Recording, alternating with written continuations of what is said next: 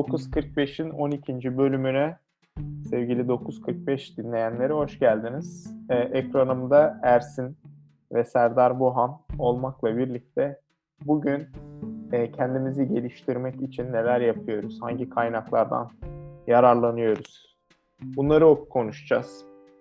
Hoş geldin Ersin. Hoş bulduk arkadaşım. Nasılsın? Ee, teşekkürler. İstanbul'dan merhaba. Merhabalar. Şimdi kaynaklarla ilgili kendini geliştirmek için neler yapıyor? Hangi kaynakları kullanıyorsun Ersin? Aslında yıllar içinde biraz değişen bir durum bu. Ee, belki ilk yıllarda falan kitaplardan yararlandığım dönemler oldu açıkçası bu süreç içinde. Bir 10 yıllık, 15 yıllık süreç içinde. Ama zamanla bu ıı, teknolojinin gelişmesi ve hani video ve diğer e, kaynakların da güçlenmesiyle beraber diyelim e, yavaş yavaş başka şekle dönüştü. E, şu an aslında güncel bir durumdan bahsediyorsan, şu an için bahsediyorsan ben daha çok videoları falan kullanıyorum açıkçası. Video eğitimlerini falan kullanıyorum. Peki, peki nereleri kullanıyorsun video eğitimleri almak için? Ya şimdi ben Microsoft tarafında çalıştığım için daha çok teknoloji olarak direkt o alana özel olarak daha böyle özgün şeyler çıkaran Pluralsight var. Onun dışında Udemy'yi kullanıyorum. Udemy'de bayağı bir eğitimim var. Ee, aynı zamanda işte YouTube'dan da mesela bazen e, arayıp bulduğum eğitimler olabiliyor. Temelde aslında Udemy ile Pluralsight arasında gidip geliyorum ben abi. Genelde onu söyleyebilirim yani. O zaman Udemy'de bütün dersler tabii ücretsiz değil. Bazılarına para vermen gerekiyor. O derslere verdiğin paraya acıyor musun Ersin? Şimdi şöyle abi orada ben Türk hesabımı kullanıyorum genelde Udemy'de. Türk hesabını kullanınca zaten biraz şey oldu abi ama Türkiye bir şey oldu ama şey eğer Avrupa'dan hani bağlanıp Türkiye hesabını e, kullanıyorsan rakamlar çok ucuza geliyor açıkçası. Komik rakamlar oluyor. Bir de indirim dönemleri falan oluyor. Hatta Udemy'de ilginç bir durum var abi. İndirimler hiç zaman bitmiyor yani. Her zaman her şey %10 fiyatına satılıyor nedense.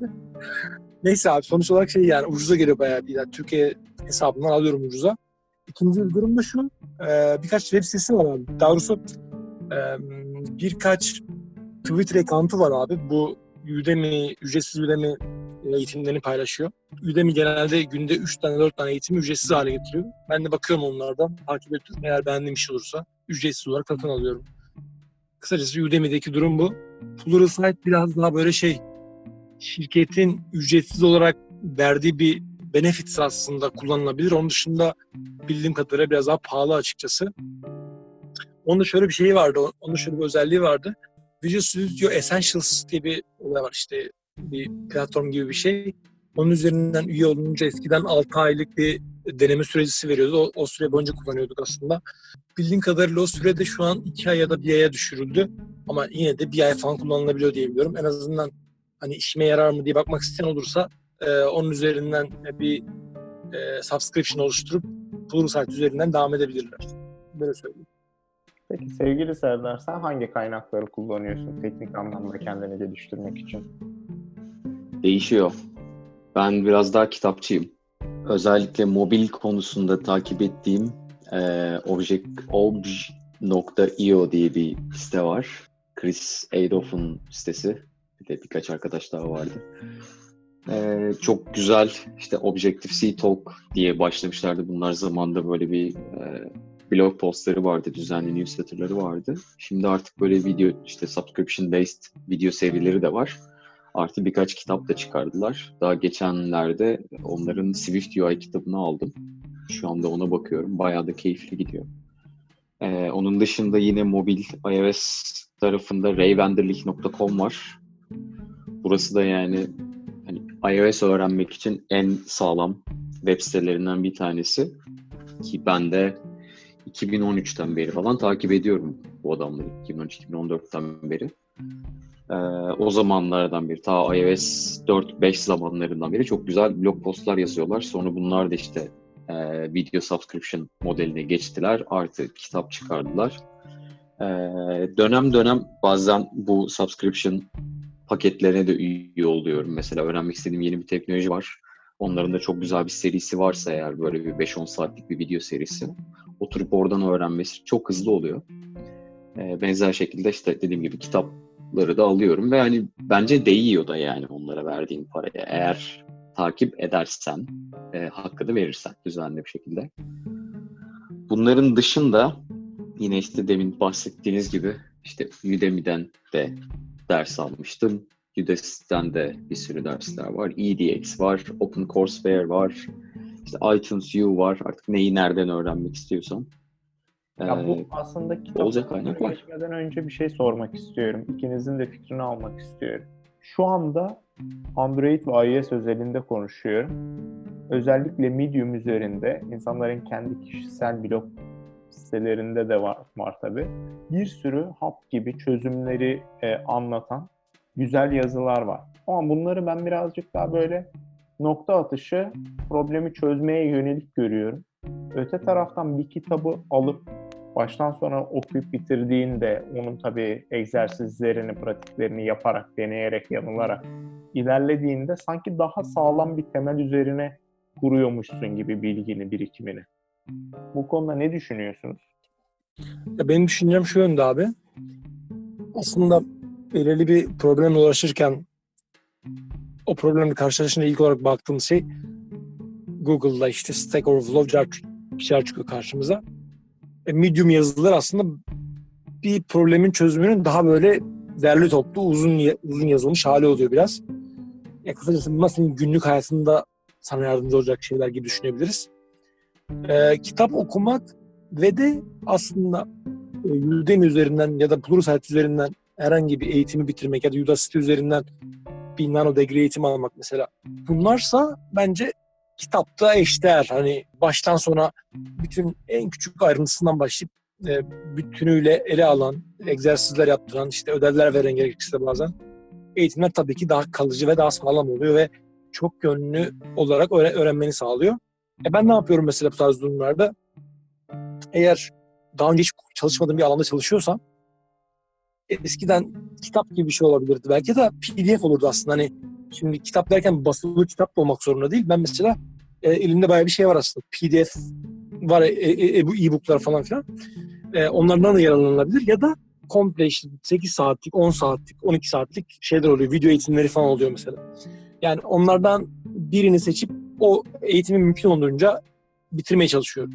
Ama e, günlük hayatımda diyelim ya da işte hands-on kod yazınca işte bir şeylerle uğraşınca falan e, o anda e, daha çok kullandığım şeyler işte Medium ya da işte Stack Overflow gibi ya da Google'ın artık karşıma ne çıkardıysa e, çıkarmış olduğu blog postları falan oluyor mesela çözüm olarak.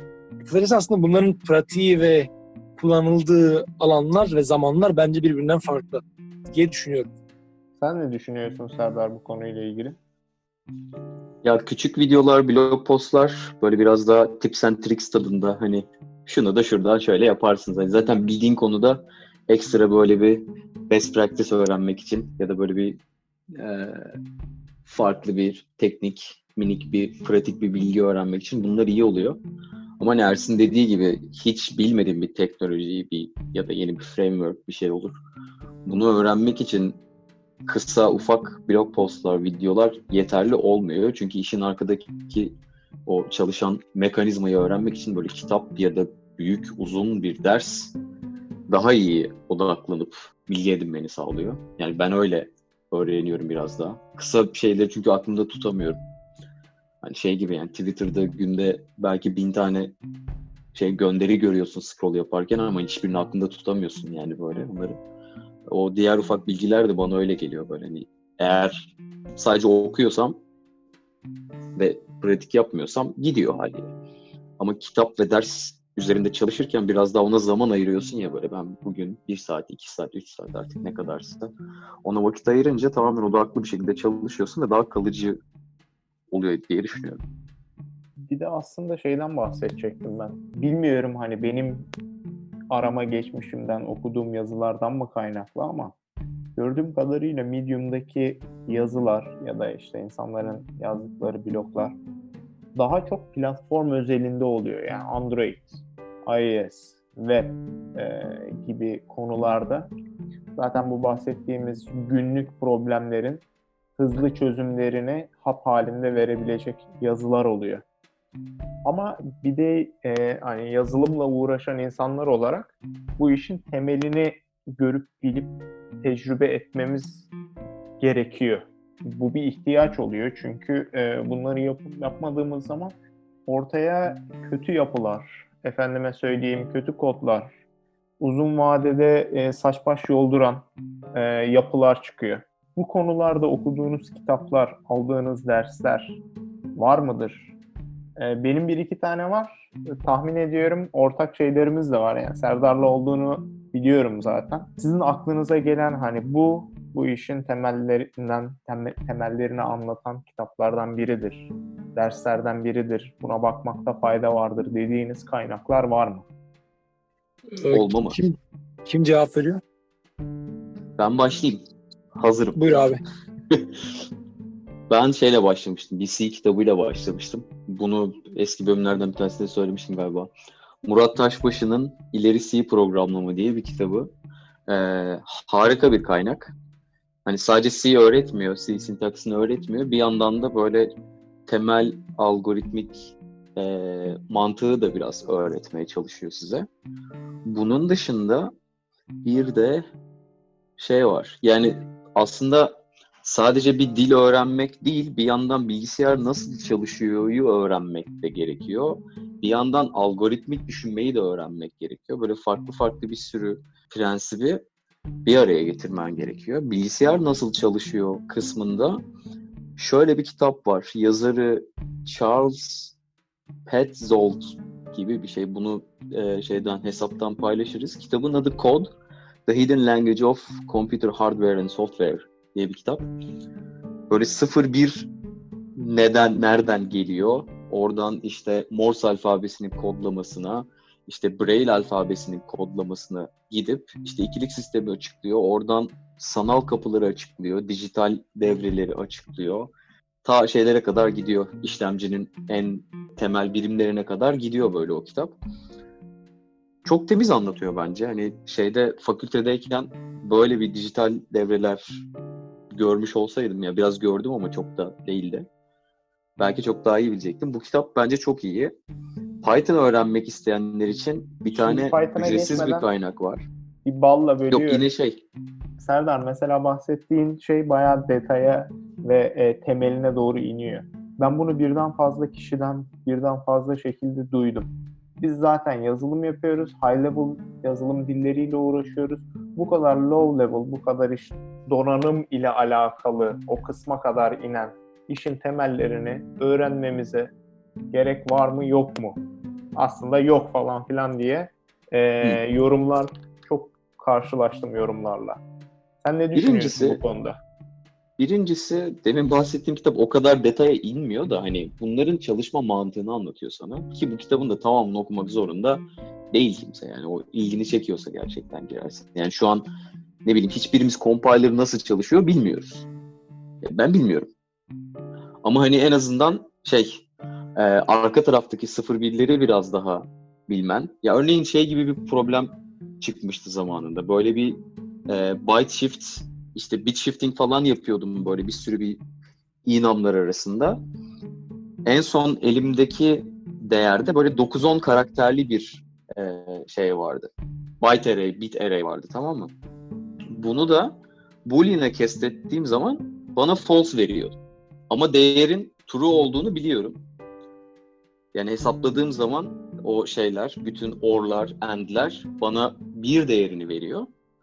Ama işte birden sonra belki 10 tane sıfır var. Ben bunu byte'e çevirdiğim şey boolean'e çevirdiğim zaman ya işte başka bir şeye çeviriyordum hatırlamıyorum.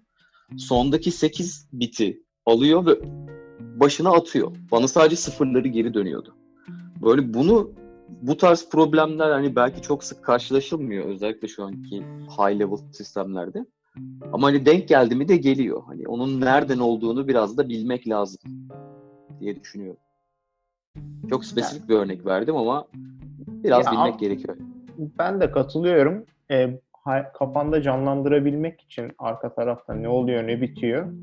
Bu konuları bilmek, aşina olmak. Yani birebir hiçbirimiz kafamızda ha buradan bir gitti o yüzden sıfır oldu bu falan diye kestirmek çok zor. Hatta mümkün değil şu anda bizim üzerinde çalıştığımız gibi büyük yapılarda ama bir fikrinin olması e, aslında daha sağlıklı neden niçin leri sorup ardından doğru sonuca gitmeye yönlendiriyor gibi hissediyorum. En azından Aynen öyle. insana En bir azından nereye bakacağını veriyordur. Çözümü bilmesen de nereye ha, şuradan mı oluyor acaba diye bir orayı kurcalamaya doğru itiyor seni o. Sen ne düşünüyorsun? Algoritma Ersan konusunda da şey Heh, pardon atladım Ee, Serdar seni. bunu bahsetmiştik algoritma konusunda. Bu Stanford'ın Stanford mıydı, Harvard mıydı? Sanırım ikisi ortak yapıyorlardı. Hatta bu CS50 denen ders, bizdeki bilgisayar 101 gibi bir ders. CS50 dersi YouTube'da da var. İşte online kendi web sitelerinde de var. Harika bir ders. İlk derste şöyle başlıyor adam. Bir telefon defterini alıyor ve on, onun üzerinden binary search'ü anlatıyor böyle telefon defterini yırta yırta. Hani tek tek sayfa sayfa aramaktansa birinin adını ararken işte ne bileyim T mi? T diye işte ya da işte Efe'yi arayalım. Ortasından ayırdım ne bileyim K çıktı sayfa. E, K'dan sonrasını yırtıyor atıyor. Sonra A'dan K'ya kadar olan kısmı alıyor. Bir daha ortadan rastgele bir yerden açıyor. Ne bileyim D çıktı. D'den aşağısını atıyor. Yukarı böyle böyle şeyi hem algoritmik düşünmeyi gerçek hayatta nerede kullanacağını göstererek çok güzel öğreten bir ders. Ben çok konuştum artık Ersin abiye bırakıyorum. Çok hoş abi. Şimdi benim düşüncem nedir diye sorarsanız tabii ki ya bilgi önemli çalıştığım bir alanla ilgili bir konu sonuçta bu. Bir kod yazıyorsun o kod arka taraflarda bir şeyler oluyor. Bir derliyor, derleniyor, merleniyor bir şeyler oluyor falan. Makinede onun bir karşılığı var. İşte bir compile ediliyor bir şeyler oluyor. Makinenin anlayacağı bir dile falan getiriliyor. Hani bunun mekanizmasını, mekaniğini bilmek, bilmek bence faydalı tabii ki. En azından belki günlük hayatında değil ama bir problemle karşılaştığın zaman nereye bakacağını bilebilirsin belki biraz daha ya da sana fikir verebilir diye düşünüyorum. Ee, Bunlar güzel şeyler kısacası. Ee, Ama tabii bu burada kaynak ne olmalı konusu bilmiyorum. Biraz teknolojiden teknoloji değişiyor açıkçası. Sonuçta bizde Microsoft tarafında biraz daha farklı şeyler var. Muhtemelen sizin taraflarda biraz daha mobil tarafta biraz daha farklı kitaplar ya da kaynaklar falan vardır diye düşünüyorum. Aslında bir kafama takılan bir konu var. O konuyla ilgili bir şeyler söyleyip yine pası Serdar'a atacağım ben. Ya bu eğitimlerle ilgili ben şöyle düşünüyorum. Özellikle Udacity üzerindeki eğitimleri tavsiye ediyorum ben arkadaşlarıma. Daha çok yeni başlayan arkadaşlarıma. Şuna inanıyorum. Ee, 10 yıl, 15 yıl önce bir kursa gitmeden ya da bir üniversiteye gitmeden e, kurs ücretleri çok yüksek. Üniversite maliyetli bir şey zaten. Ya da girmek çok zor bölümlere falan. Mesela bilgisayar mühendisliği bölümlerine girmek çok zor. E, 10 yıl, 15 yıl önce kısacası teknoloji alanında çalışmak bence çok kolay değildi. Ama şu an 30 saatlik, 40 saatlik bir eğitimle ya da Udacity'nin daha uzun diye biliyorum. Onlar 6 aylık, 8 aylık eğitimler şeklinde oluyor diye biliyorum. E, gibi eğitimlerle aslında sıfırdan bir meslek sahibi olabilirsiniz. E, ve ben bunun çok ciddi bir fırsat olarak görüyorum kendi hayatımda da videonun etkisini, etkisinde farkındayım. Hani vi- videoları izleyerek aslında ne kadar çok yeni şeyler öğrendim, keşfettim kendi adıma. Ve şuna inanıyorum, insanlar sıfırdan bir e, meslek sahibi olabilirler diye söylüyorum. E, geçenlerde Udacity'den bir mail aldım ben. E, adamlar o ayın galiba en başarılı kursiyerini seçmişler ve adam şey yani bildiğin tır şoförü. Tır şoförü gelmiş. Frontend developer olmuş abi. İşte galiba şeyini de almış. Sertifikasını da almış. E, yani nereden nereye yani bir Türkiye'deki işte herhangi bir kişinin bunu başardığını bir gözünüzde falan düşünün, gözünüz önüne getirin. Ee, zor bir şey İlla ki okul tutmana gerek yok değil mi? Aynen aynen ya kolay aslında. Ya bilginin erişimi e, bence çok kolay. Bunu değerlendirmek lazım. Tabii sizin de söylediğiniz gibi adam akıllı detaylı olarak kitaplar, işte kaynaklar üzerinden öğrenmek gerekiyor yani. Ya kısacası başlangıç için belki videodan başlan. Ya Daha doğrusu şöyle. e, bir video izleyerek bir şeyleri başarmak çok zor tabii ki hani ya da bir 8 saat, 10 saat, 20 saat, 30 saat tabii ki zor ama e, en azından o dünyayla ilgili belirli bir fikir sahibi olabilir. Belki onun üzerinden e, on, onu oradan kazan, kazanacağını küçük bir tecrübeyle istekliliğini göstererek küçük bir şirkette belki bir staj pozisyonu olabilir, olabilir ya da işte e, düşük maaşlı bir iş olabilir. Belki oradan başlayıp son- sonra işi öğrenerek ilerlenebilir diye düşünüyorum. Ee, Bir ek daha yapıp konuyu da e, Efe'ye atacağım ve bir süre konuşmayacağım söz veriyorum. Bu tarz işte video derslerde işte Udemy, Udacity artık neyse o derslerdeki örnekler ders içeriğiyle kalıyor. E, ve gerçekten çok hevesli değilsen kendi kendine proje üretmiyorsun ya da böyle farklı tarz projelerin tecrübesini edinemiyorsun. İş başvurusunda da senden tecrübe bekliyorlar haliyle. Ama kendi kendine kurcalayıp böyle bir saçma sapan uygulamalar yapmazsan tecrübe edinemiyorsun. Ben mesela hani 6 yıldır bu işi yapıyorum. Bir tane uygulamam yok şeyde App Store'da. Hani kendi kendime böyle bir şey yapmadım. Şanslıydım. Bir iş bulmuştum zamanında. Örneğin Free Code Camp diye bir site var. Bu daha çok web ve frontend, işte data analytics tarafında dersleri olan bir web sitesi ve web sitesinin tüm içeriği ücretsiz. Böyle sayfalarca e, içerik var. Video değil bunlar. Tamamen bir web sitesi. Böyle sayfa sayfa gidiyorsun. O pratikleri yapıyorsun. İşte HTML, web, JavaScript, biraz daha backend bunların hepsini anlatıyor. Ve işin güzel yanı her modülün sonunda sana bir gerçek hayat projesi veriyor. Ve bu projede e, ya böyle gönüllü bir e, STK için ya da işte kar amacı gütmeyen başka bir kuruluşun ya web sitesini yapıyorsun ya hali hazırda var olan bir web sitesini güncelliyorsun ya da ne bileyim bir web sitesini mobile çeviriyorsun, bir şeyler yapıyorsun. Bunların karşılığında da adamlar sana e, iş başvurusunda kullanabileceğin bir sertifika veriyorlar ve e, hani bunun kredisi de yüksek, akreditasyonu da yüksek şeyin. Tanınıyor yani Free Code Camp bayağı bir ünlü oldu. Bunu da tavsiye ederim ilerlemek isteyenlere. Senin kaynaklarını alalım mı Efe'ciğim? Tabii ben ben de benim kaynaklarımı söyleyeyim ama benim kaynaklarımı hızlıca geçmeden önce bu söyleyeceğimi ben Serdar Kuzuloğlu'nun bir konuşmasında duymuştum ve tamamen katılıyorum. Ee, diyor ki şu anki günümüzdeki teknoloji ile aslında insanoğlu her şeyi, neredeyse her şeyi, özellikle bu yazılım e, ve teknoloji ile alakalı konuları çok rahat bir şekilde öğrenebilir. Tek yapması gereken etrafta bu kadar dikkat dağıtıcı unsur varken video, tweet, Instagram fotoğrafları vesaire zamanımızı hızlı bir şekilde tüketen bir sürü şey varken sabırlı bir şekilde e, öğrenmek istediğin şeye odaklanmak. Tek yap- yapılması gereken şey bu. Sizin de bahsettiğiniz gibi bedava olan da bir sürü içerik var. Yazı, ders, e, hatta ve hatta bazıları sertifika e, ya da yazılım konusunda mesela GitHub'da bir tane hesap açıp orada ufak tefek projeler yaratıp günden güne e, geliştirmeler yapıp tıkır tıkır atmak bile çok büyük bir referans yarat. Yani portföyünüzü geliştirmiş oluyorsunuz o şekilde. Ama bunların hepsi birazcık sabır, irade ve e, tutarlılık gerektiriyor. Her gün ya da haftada 5 saat, 3 saat ne kadarsa peşini bırakmadan devam ettiğin zaman mutlaka bir yere varıyorsun. Şimdi benim kaynaklarıma gelirsek bence ve e, şu anda Avrupa'da, Türkiye'de de öyle. Herkesin bangır bangır bağırdığı, tabi seveni var, sevmeyeni var ama Robert C. Martin diye bir adam var. E, bu adam clean code, clean coder, efendime söyleyeyim clean architect. Amcamız Aynen Uncle Bob diye geçiyor. Amca Bob diye geçiyor. Bu adamın kitapları, konuşmaları açıkçası beni etkiliyor ve çok fayda sağladığımı düşünüyorum. Ee, onun dışında sizin bahsettiğiniz gibi Udacity'den, e, Udemy'yi çok kullanmıyorum. Ama e, Udacity'yi çok aktif kullanıyorum. Ve mesela Android özelinde çok fazla anlatılmayan ve kaynak bulması zor olan Gradle build tool'u e, gibi bir olay var. Onlarla ilgili dersleri izliyorum.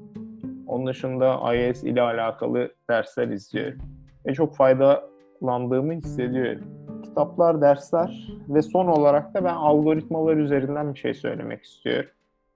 HackerRank diye bir site var. Buna benzer başka siteler de var. Bir tanesi Codility, başka şirketler e, algoritma sorusu gönderip sizi test edebiliyor onun üzerinden falan. E, bu algoritma sorularını çözmek bir egzersiz gibi. Her nasıl futbolcular maça çıkmadan önce e, ısınıyorlarsa aslında yazılımcılar için de hatta bu işte Uncle Bob'un bir tane, bir tane, bir tane kitabında vardı. Parmak egzersizi, efendime söyleyeyim beyin jimnastiği yapmak için böyle şeyleri yaptım bitirdim. Binary Search'ü ben yazdım zaten biliyorum kafasından ziyade bunu bir egzersiz gibi görüp e, haftada bir, iki hatta her gün e, farklı farklı algoritmalar çözmeye çalışıyorum. O kadar tutarlı yapamıyorum. Ama e, bunun faydalı bir şey olduğunu düşünüyorum. Onun dışında kaynaklarım design pattern'ların olduğu bir kitap var. Bir başka kitap e, tabii bunların linklerini falan paylaşırız Twitter üzerinden. Olmazsa olmaz kitaplar mıdır? Bence olması çok kariyer anlamında da yapılan işin, yaptığınız işin işten alınan has konusunda da e, çok fazla katkılarının olduğunu düşünüyorum. Onun dışında bir başka kaynak da aslında pek akla gelmeyen ama bence önemli olduğunu düşündüğüm sizin bir şeyler anlatmaya, yazmaya, aktarmaya, öğretmeye çalıştığınız şeyler. Yani bir konuyu okuyup anlamak, hatta onun üzerine pratik yapmak, öğrenmek için güzel ama başka birine anlatmaya çalışmak apayrı muhtemelen beyindeki nöronları çalıştırıyor ve çok daha sorgular şekilde yaklaşıyorsunuz konulara. Bunu da ben bir kaynak olarak görmeyi seviyorum. Ben bu kadar. Ben de uzun konuştum. Yok katılıyorum bu son dediğine. Bugün o e, şirkette bir sunumum vardı. İşte uzaktan yaptım merkezi sunum herkes evde diye de. Swift UI'yi anlattım böyle bir bir saat. Ve son bir haftadır da anlatmak için çalışıyordum. Yani sadece kendimi öğrenmek için değil, anlatmak için çalışıyordum ve böyle bir sürü aldığım notlar var. Burası önemli, burası önemli, burası önemli diye. Bunları anlattım. Bir saatin sonunda sorular soruldu ve hala şey vardı. İnsanlar ne anlamak istiyor ve ben onu ne kadar biliyorum bilmiyorum. Onu fark ettim böyle. Bambaşka sorular geldi böyle hiç tahmin etmediğim sorular geldi. Onlar şey yapıyor seni. Ha doğru bak bu da vardı ben bunu düşünmemiştim insanların bunu sorabileceğini. Bunu öğrenmemişim, öğreneyim bir daha anlatayım falan dedim artık böyle artık insanlara. Dediğin gibi öğretmek de öğretiyor. Bir sloganımız öğretmek de öğretiyor. o bilmiyorum bu Richard Feynman'ın sözü müydü yoksa Twitter'daki Richard Feynman hesabının paylaştığı bir şey miydi bilmiyorum ama hani şey diyor biri öğretirken ikisi öğrenir, iki kişi birden öğrenir gibi bir özlü söz vardı diyeyim. Aklıma o geldi. Çok güzel abi. Bir de Dennis Ritchie'nin güzel bir sözü var o benim masa üstünde duruyor bak. The only way to learn a new programming language is by writing programs in it demiş. Bir programı, bir programlama dilini öğrenmenin en iyi yolu, tek yolu o dilde program yazmaktır demiş. Dennis Ritchie kim diyecek olanlar olursa da C dilini geliştiren abimiz. Rahmetli anıyorum kendisi Steve Jobs'tan Steve Jobs'tan bir hafta sonra ölmüştü. Böyle kimse anmadı. Biz andık. Allah rahmet eylesin abi. Herkes Steve Jobs'ı biliyor. Deniz, Deniz Ritchie'yi kimse bilmiyor. O da birazcık reklam kısmı galiba değil mi? Ne kadar iyi pazarlarsan kendini gibi bir durum. Bizim zaten pek bilmediğimiz konular onlar. Pek beceremediğimiz konular. Teknik adamlar olarak diyorum. E, bu arada konferanslardan hiç bahsetmedik. Doğru diyorsun Serdar'cığım. Konferanslardan hiç bahsetmedik. Ne düşünüyorsun konferanslar hakkında? Ee, Abiciğim insanlar kaçıyorlar abi. İşten kaçmak için bir yöntem abi yani. Gidiyorlar, geziyorlar, ediyorlar. Fotoğraflar falan çekiyorlar. Şöyle yani. Bir tane ee... tweet açıyorlar abi. Bu kadar. ya aslında şeyler biraz öyle. Hani çok adı sanı bilinen büyük konferanslar işte Apple'ın WWDC'si, işte Google'ın Google I.O.'su vesaire. Ee, hani bunlar çok büyük konferanslar. Acayip de pahalı konferanslar. Ve olay biraz da şova kaçıyor ama tabii ki bütün yeni çıkan teknolojilerin tanıtıldığı konferanslar, yeni çıkan cihazların vesaire artık her şeyin tanıtıldığı konferanslar. Hem bir yandan çok şey öğrenebilirsin hem de networking için harika yerler. Ama böyle bir de küçük çaplı developer konferansları falan oluyor böyle. Hani her ülkede var nispeten yani Avrupa'da bir sürü ülkede bir sürü farklı zamanda yapılıyor. Çok uzaklara da gitmeye gerek yok öyle. Hani Türkiye'dekiler için konuşun Amerika'ya falan. Türkiye'de de yapılıyor ufak çaplı konferanslar yine. Ben mesela Londra'da gitmiştim. iOS Con diye bir konferansı sanırım 2016 ya da 2017'de. Bayağı keyifliydi 2-3 gün boyunca. Orada bilen adamlar güzel güzel anlattılar. 3-5 workshop'a katılıyorsun. Birileriyle konuşuyorsun, muhabbet ediyorsun. Bir yandan şeyler de oluyor orada. Recruiter'lar da oluyor böyle. Hani ya ben de iş aslında gelebilirim. Neden olmasın diye böyle bir kendini tanıtmak için güzel fırsat. Bir de şey görüyorsun ya başka insanlar hakikaten ne yapıyor onu görüyorsun.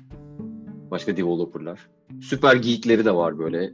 Laptopların her tarafı sticker olan böyle ne bileyim JavaScript'te şunu nasıl yapacağız falan diye böyle çok bilmiş sorular e, soran tipler falan var. Ama bir yandan da gerçekten öğrenmeye çalışan neymiş ya diye oraya gelen insanlar da var. Artı bu fes- e, şeylerin, konferansların partileri de çok keyifli oluyor. Onu da tavsiye ederiz. Ben açıkçası konferansların bir şeyleri öğrenmekten ziyade e, bir heyecan oluşturma, bir kıvılcım yani. Sen oradan öğrendiğinle bir uygulama yazayım, bir sistem ayağa kaldırayım. Yapamayacaksın ama muhtemelen yeni bir teknoloji varsa onu görüp aa bu neymiş diye merakın uyanacak ve öğrenmeye başlayacaksın. Bir kapı gibi görüyorum yani konferansları, o konferanslardaki işte sunumları, oradaki insanların ne kadar etkileyicilerse anlattıkları şey de yani dağ delmelerine, uçak kaldırmaları falan gerekmiyor. Yani bir şeyi, ufak bir şeyi bile daha güzel, daha böyle göze hoş gelir şekilde anlatırlarsa insanların iştahını kabartıp o tarafa doğru yönlendirebilirler. Ee, ben de bir ekleme yapayım konuyla ilgili. Açıkçası küçük çaplı böyle konu özelinde yapılan bazı konferans demeyeyim de daha çok meetup tadında olan buluşmalar diyeyim, yazılımcı buluşmaları var. Benim en e, ya, yararlı ya da etkili olarak gördüğüm bunlar aslında. Çünkü bunlarda gerçekten bir şeyler öğreniyorsun gittiğin zaman. Ne oluyor? Daha çok yeni teknolojiler oluyor. İşte yeni bir teknoloji gelmiş mesela. Onunla ilgili bir küçük bir sunum hazırlıyorlar. Sonrasında da küçük bir işte e, örnek gösteriyorlar falan. En azından Efe'nin de dediği gibi biraz ön bir bilgiye almış oluyorsun. Ama tabii detaylarını araştırmak biraz senin işin oluyor ama tabii orada şeyi görmek güzel. Yeni bir şeyin varlığının farkına varmak güzel bir şey açıkçası. Bir diğer durum daha böyle teknoloji ünlü kişisi ya da işte teknolojide kendini ispatlamış birinin yapmış olabileceği ya da işte katılmış olabileceği işte türde daha büyük çaplı konferanslar falan olabiliyor mesela. Ya bunlar da hani açıkçası çok böyle şey demek zor. Hani faydalı demek zor. Ya daha doğrusu faydalı faydasız demek zor. Adamına, kişisine, yerine göre değişiyor. Başarılı olanlar da var. Başarısız olan, yani baş, başarısız demeyeyim de daha böyle yapmış olmak için yapılan çok etkinlik de var açıkçası. Kısacası burada biraz dikkatli ve seçici olmak gerektiğini düşünüyorum ben. Çünkü artık şu an tam bilemiyorum ama bir ara böyle şeyden önüne gelen tuhaf isimlerle bilmem şu summit, bu summit, şu ödüller, bu ödüller. Hani böyle şey artık e, etkinlikten kafanı kaldıramayacak hale geliyorsun falan. Kısacası biraz seçici olmak gerekiyor. Benim e, hani geçmişe bakınca en, en böyle etkileyen falan diye söyleyecek olursam bu hepsi buradan Türkiye'de yapmış olduğu bir etkinlik vardı. Oraya e, Martin Fowler gelmişti. O güzeldi mesela gayet. Yok artık. Dedim ki abi fotoğraf çektirelim dedim. Ben de fotoğraf çektirmiyorum dedi. Şu kısacası şu an size göster ispatlayamıyorum. Ama adamı gördüm güzeldi yani. Martin yani. Fowler e, refactoring yazan mıydı? Ya bayağı kitap var abi onun ya. Ya daha çok aslında design patternlar tarafında ünlü bir herif zaten. İnternette kesin belirli bir patternları aratır, aratırken onun yazılarına denk gelmişsindir. Thoughtworks diye bir şirket var. Bilir misiniz bilmiyorum ama e, onun da e, onun da kurucusu falan diye ya da işte kurulumunda kurulumunda desteği olan bir kişi diyebiliyorum aynı zamanda.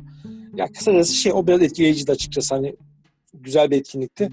Ama dediğim gibi hani böyle çok fazla katılıp hiçbir şey almadım bir sürü etkinliğe de katıldım açıkçası. Şey var bazıları mesela e, yapıyorlar abi etkinliği. Etkinlik daha çok şey oluyor böyle kendi teknolojilerini anlatma etkinliğine dönüşüyor mesela.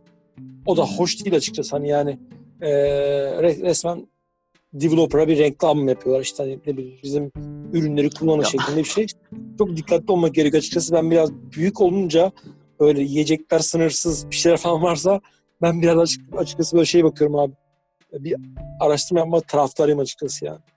Ya onlara da beleş pizza için gidiyorsun abi. Hani on, herkes istediğini alıyor. Onlar böyle reklamını yapıyor, pazarlamasını yapıyor. Bizim ürünümüz şöyle böyle diye. Sen de gidip karnını doyuruyorsun. He he diyorsun, geçiyorsun.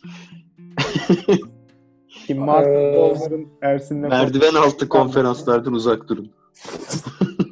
Ee, şey oldu abi bir anımı anlatayım orada. Şimdi Dublin'de işte bir etkinlik vardı abi oraya gittik. Konu şeydi konu Angular abi yani frontend tarafında bir şeydi. Sonra başka bir etkinliğe gittim abi. Orada da konu tamamen böyle backend falan yani işte kesişim kümesini daraltmışlardı bayağı anladın mı? Hani konu biraz özel bir konuydu abi backend tarafında. Hani bir Angular tarafında çalışan bir adamın gelmesi çok beklenemez gibi bir durum vardı. İkisine de gittim abi. İkisinde de aynı adam var. Şimdi ilkinde tabii tanımıyorsun etmiyorsun. Adam abi bütün şey boyunca alkol aldı abi yani bütün konferans boyunca. En son böyle zar zor yürüyerek çıkıyordu falan şeyden. İlk konferanstan. İkincisinde de abi baktım adam direkt buzdolabının yanına kurulmuş abi. Hani şeyin etkinliğin oradaki buzdolabı var ya onun yanında kurulmuş abi. Oradan biraları götürüyor falan. yani şey adamın hayatı abi herhalde şey yani hani etkinlikleri gezip abi oradan bir şeyler yiyip içmek herhalde. Aslında geçen bölümlerden bir tanesinde kariyer pet konuşuyorduk ya böyle hani kariyerinde nereye ilerleyebilirsin diye. Hani böyle bir şeyi böyle bayağı iyi öğrenip konferans konferans gezebilirsin de aslında. Sadece eğitim verip beleşe e, konferanstan konferansa giderek beleşe yiyip içerek de yaşanabilir. aç karnını Neden doyurmak için. evet, güzel. şey sınırsız alkol, sınırsız pizza var abi yani. Şey, Gayet etkinlik boyunca 3 saat 4 saat boyunca abi. Ye iç yani. Sonra git sokakta yat. Ne olacak abi? Hayat o şekilde geçer gider yani. Hocam geçen hafta konuştuğumuz remote work böyle bir şey değil. Ama neden olmasın? Tabii remote olsa yiyemezsin hiçbir şey. O zaman konferansları da konuştuktan sonra aklınıza gelen başka bir konu var mı kaynaklar ile alakalı? Mesela benim var. Soft Neymiş? skill'lere işte bu yönetimsel ya da diğer yazılımcılarla, diğer projede çalışan insanlarla üstüne al aslında nasıl iletişim kuracağınla ile alakalı konulara, oradaki kaynaklara hiç değinmedik. Değinmeli miyiz yoksa teknik kısımda mı kalmalıyız? Ya bu başka bir şeyin konusu, konusu da olabilir abi. Başka bir podcast'in konusu olabilir gibi- gibi geliyor bana. Ama muhtemelen şey, bak bir, bir, şöyle bir şey düşünüyorum bir yandan ben. Kesinlikle bu kaynaklar konusunda kaçırdığımız bir sürü şey vardır diye düşünüyorum. Niye? Şu an aklıma geldi mesela Twitch'te canlı yayında işte kod yazan bir sürü adam biliyorum ben mesela ben. Hani Evet Hatta onlar da başladı. Doğru. katıldığım birkaç tanesinde mesela çok aslında enteresan bir deneyim. Adam oradan geyik yapıyor arada. Kod yazıyor. Sen oradan laf atıyorsun bir şeylere. E, kodunu değiştiriyor sana göre falan. Fena değil aslında. Güzel o da yani. Doğru hiç denemedim bak öyle bir şeye bakılabilir. Kaynaklar muhtemelen geniş bir konu gibi geliyor bana açıkçası.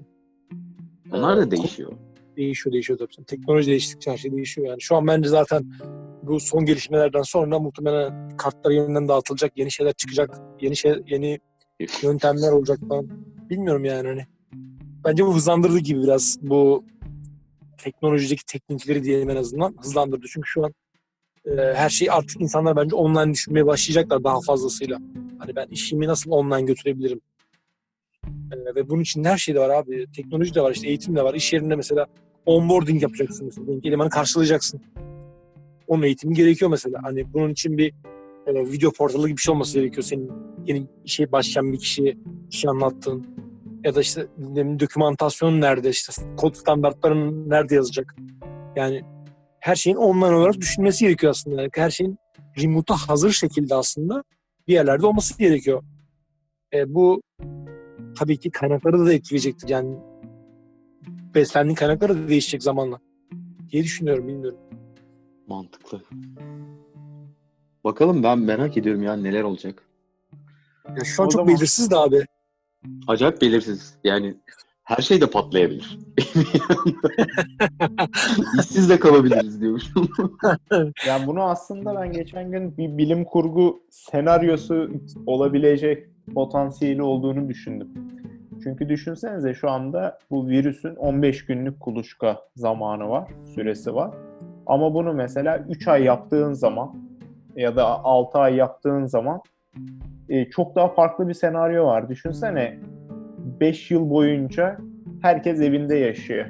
Ama hayat devam ediyor. Kimse yani böyle çok fazla ölümler falan olmuyor. Neyse ilginç konular bence. Ya e, Efe'cim bak ben 9 sezon Walking Dead izlemiş adamım yani hani o psikoloji abi yıllardır yaşıyoruz zaten abi hani izleyerek bir şekilde. Ama tabii ekranda gördüğün gibi değil abi konu yani hani ne bileyim ya da işte ya düşününce farklı daha doğrusu hani sen öyle diyorsun ya düşününce farklı ama tabii yaşayınca inanılmaz farklı oluyor abi yani. Hani böyle bir de bunun birisini Üsküdar'da yaşıyorum ben şu an abi yani ne diyeyim size şimdi. Ama işte nerede olduğunun da bir önemi yok. Evdesin sonuçta. Yani şey demek istiyorum yani ne bileyim orada sonuçta izlediğimiz abi Amerika'ya da işte İngiltere bir yeri falan izliyoruz ya abi. Hani bunu ben Üsküdar gibi hayal etmemiştim anladın mı abi yani? Ama bak şu çok ilginç mesela. Post apokaliptik Üsküdar'ı bana tarif eder misin abi? Bak şöyle bir şey hayal et mesela. Bu süreyi 50 yıla uzattığını düşün. 50 yıl boyunca herkes evinde, herkes hayatına devam ediyor. Bir şekilde çözümler bulunmuş, internet üzerinden iletişim kurabiliyorsun bütün arkadaşlarınla falan. Ama mesela yeni bir çocuk diyelim 7-8 yaşlarında, 10 yaşlarında diyor ki işte ya benim babaannem de arkadaşlarıyla buluşurmuş, kafe diye bir yerler varmış falan filan diye. Neyse konudan çok saptık. Ama bence eğlenceli. Çok güzel. Abi ben o kadar uzun süre dayanamam herhalde ya. Yani. Atlarım üçüncü kattaki balkonumdan ölürsem ölürüm ölmezsem yapacak bir şey yok. İnsan diye. Ya şey olsun konuşmanın bir kısmı da abi aslında e, günün bir yani psikolojisini yansıtmak, yansıtmak açısından bir bölüm olsun abi en azından. Ben burayı bonus bölüm olarak koyacağım. Hangi şartlarda. kaydettik gibisinden bir şey olsun yani. Evet olabilir. Yani ç- çıkmıyorum 3 gündür evden. Böyle bir sadece 5 dakikalık markete gidip gelip gelmem var. Kafayı yemek üzereyim. Ama Maske kullanmıyorsunuz değil mi abi? yapmak yok. Ee, Maske kullanılıyor mu orada? Ben görmedim. Bir geçen motorla dışarı çıktığımda böyle birileri takıyordu. Ha, ben de zaten kasklaydım ve hani kimseyle iletişime girmeden dolandım ve geri döndüm böyle. Ee, takanlar vardı. Ama ya ben takmıyorum çünkü hani şey enfekteysen takman gerekiyor gibi bir durum var ya biraz daha. Daha çok bulaşması hani temas yoluyla oluyor. Sonra işte ellediğin eline geçiyor. Oradan yüzüne burnuna sokuyorsun şeyi. Elini öyle kapıyorsun durumu. Yani öğrendiğim kadarıyla böyle. Ee, o yüzden ben takmıyorum. Hiç de maske almaya gideyim diye bir panik havasına girmedim. Makarna peşinden koştum daha çok. Onu da yapmadım daha. Hakan'a da sevmem diyorsun. Ee, evde kal Türkiye diyelim. Aynen tüm dünya kalsın hatta. Şöyle bir il- ilginç istatistik paylaşayım. İstatistik değil de öngörü söylediler. Ee, bunu İrlanda'nın başbakanı söyledi. Tarih 15 şu anda 19 Mart. Dün 18 Mart akşamı bir konuşma yaptı. İşte halka sesleniş yaptı. Bu ay sonunda 15 bin vaka görülmesini tahmini, görüleceğini tahmin ediyorlar. Şu anda 394 mü? Öyle bir şey sanıyorum Serdar. Bilmem bakmadım ama evet onu geçmez. Bakayım hemen. 15 mi çok ciddi rakam değil mi ya? 15 bin çok ciddi rak- rakam işte. %3'ünü düşünsene onu. Hemen 15 bin matematikçi olan İspanya'nın her- şu an olduğu halal işte yani. Hani iki hafta geriden takip ediyoruz. Normal yani. yani umalım gelecek tarih. Şu an evet 359'muş İrlanda'da. Yani ve artık biz bir ara 20-20 çıkmaya başladı her gün. Sonra 40 oldu. En son dün 74 tane yeni vaka gözlemledi. Şu anda bir sürü kişi muhtemelen var ama farkında değil. Belki atlattı. Neyse bu uzun süre bir sürü kişi tarafından konuşulacak zaten. Ee, ufak bir bilim kurgu konuşmasından sonra 12. bölümümüzün sonuna geldik diyelim. Ee, genel bir özet geçersek kaynak olarak teknik anlamda bir yazılımcının her daim ulaşması gereken, peşinden koşması gereken ana hatlar, kitaplar, internet üzerindeki dersler. Çünkü özellikle platformlar konusunda sürekli güncelleniyor platformlar, kütüphaneler. Bunları internet üzerindeki e, online derslerden almak çok daha faydalı. Blog yazılarını takip etmek, başkalarına öğretmek, son olarak da konferanslar dedik. Arada pratik yapmak için algoritmalar dedim ben. Ama bu birazcık daha kitaplar ve dersler e, içinde potasında eritebilecek, eritilebilecek bir e, başlık gibi. Beş tane temel başlığımız oldu. Kitaplar, online dersler, blog yazıları, başkalarına bir şeyler öğretmeye çalışmak ve konferanslar. Çok hızlıca bir şey daha ekleyeceğim. Stack Overflow'da soru sormak. İnsanlarla iletişim arttırmak. Aynen öyle. Yani soru sormak, varsa bilgin yapabiliyorsan cevaplamak da. Cevaplamayı Şey mesela, öğrendiğim de benim çok olmuştu. Yani çok fazla cevapladım Benim de öyle. Stack Overflow'da ama birazcık puan kasayım gibi bir kafaya girmiştim. Sağ olsun Taylan beni birazcık gazlamıştı. Sonradan nedense geçti gaz. yani o Stack Overflow'daki sadece o Stack Overflow'daki puanın bile iş başvurusunda inanılmaz katkı sağlayabilir. Bir de bu işte biraz gamification gidiyor ya böyle badge sistemi var. İşte bronze badge'ler, işte altın badge'ler, silver badge'ler falan. Ne kadar çok varsa o badge'lerin, ne kadar çok soru sorup ne kadar çok soruya katkıda bulunuyorsan, topluluğa katkıda bulunuyorsan o kadar fazla puanın oluyor ve bu seni biraz daha sözü geçen ve bilgisi kanıtlanmış, tecrübesi kanıtlanmış bir yazılımcı yapıyor yani. Sadece bunu göstermek bile büyük avantaj bence. Yani bir de bir kişi bile kalkıp teşekkür etse insan mutlu oluyor. Evet o zaman 6. maddemiz olarak da soru sormaktan çekinmemek. Stack Overflow'da özellikle mümkün olduğunca bilemediğiniz, bulamadığınız cevabını soruları sormak. Ersin ve Serdar çok teşekkür ediyorum. Bir sonraki bölümümüzün konusunu hocam. mı sorsak acaba? Soralım. Nasıl isterseniz. Evet Soralım. yapabiliriz. Sağlıcakla kalın, evlerinizde kalın. Görüşmek üzere. Hoşçakalın. Görüşmek üzere. Hoşçakalın. Evet. Ee, aradığım şey hoşça kalın. Bay bay.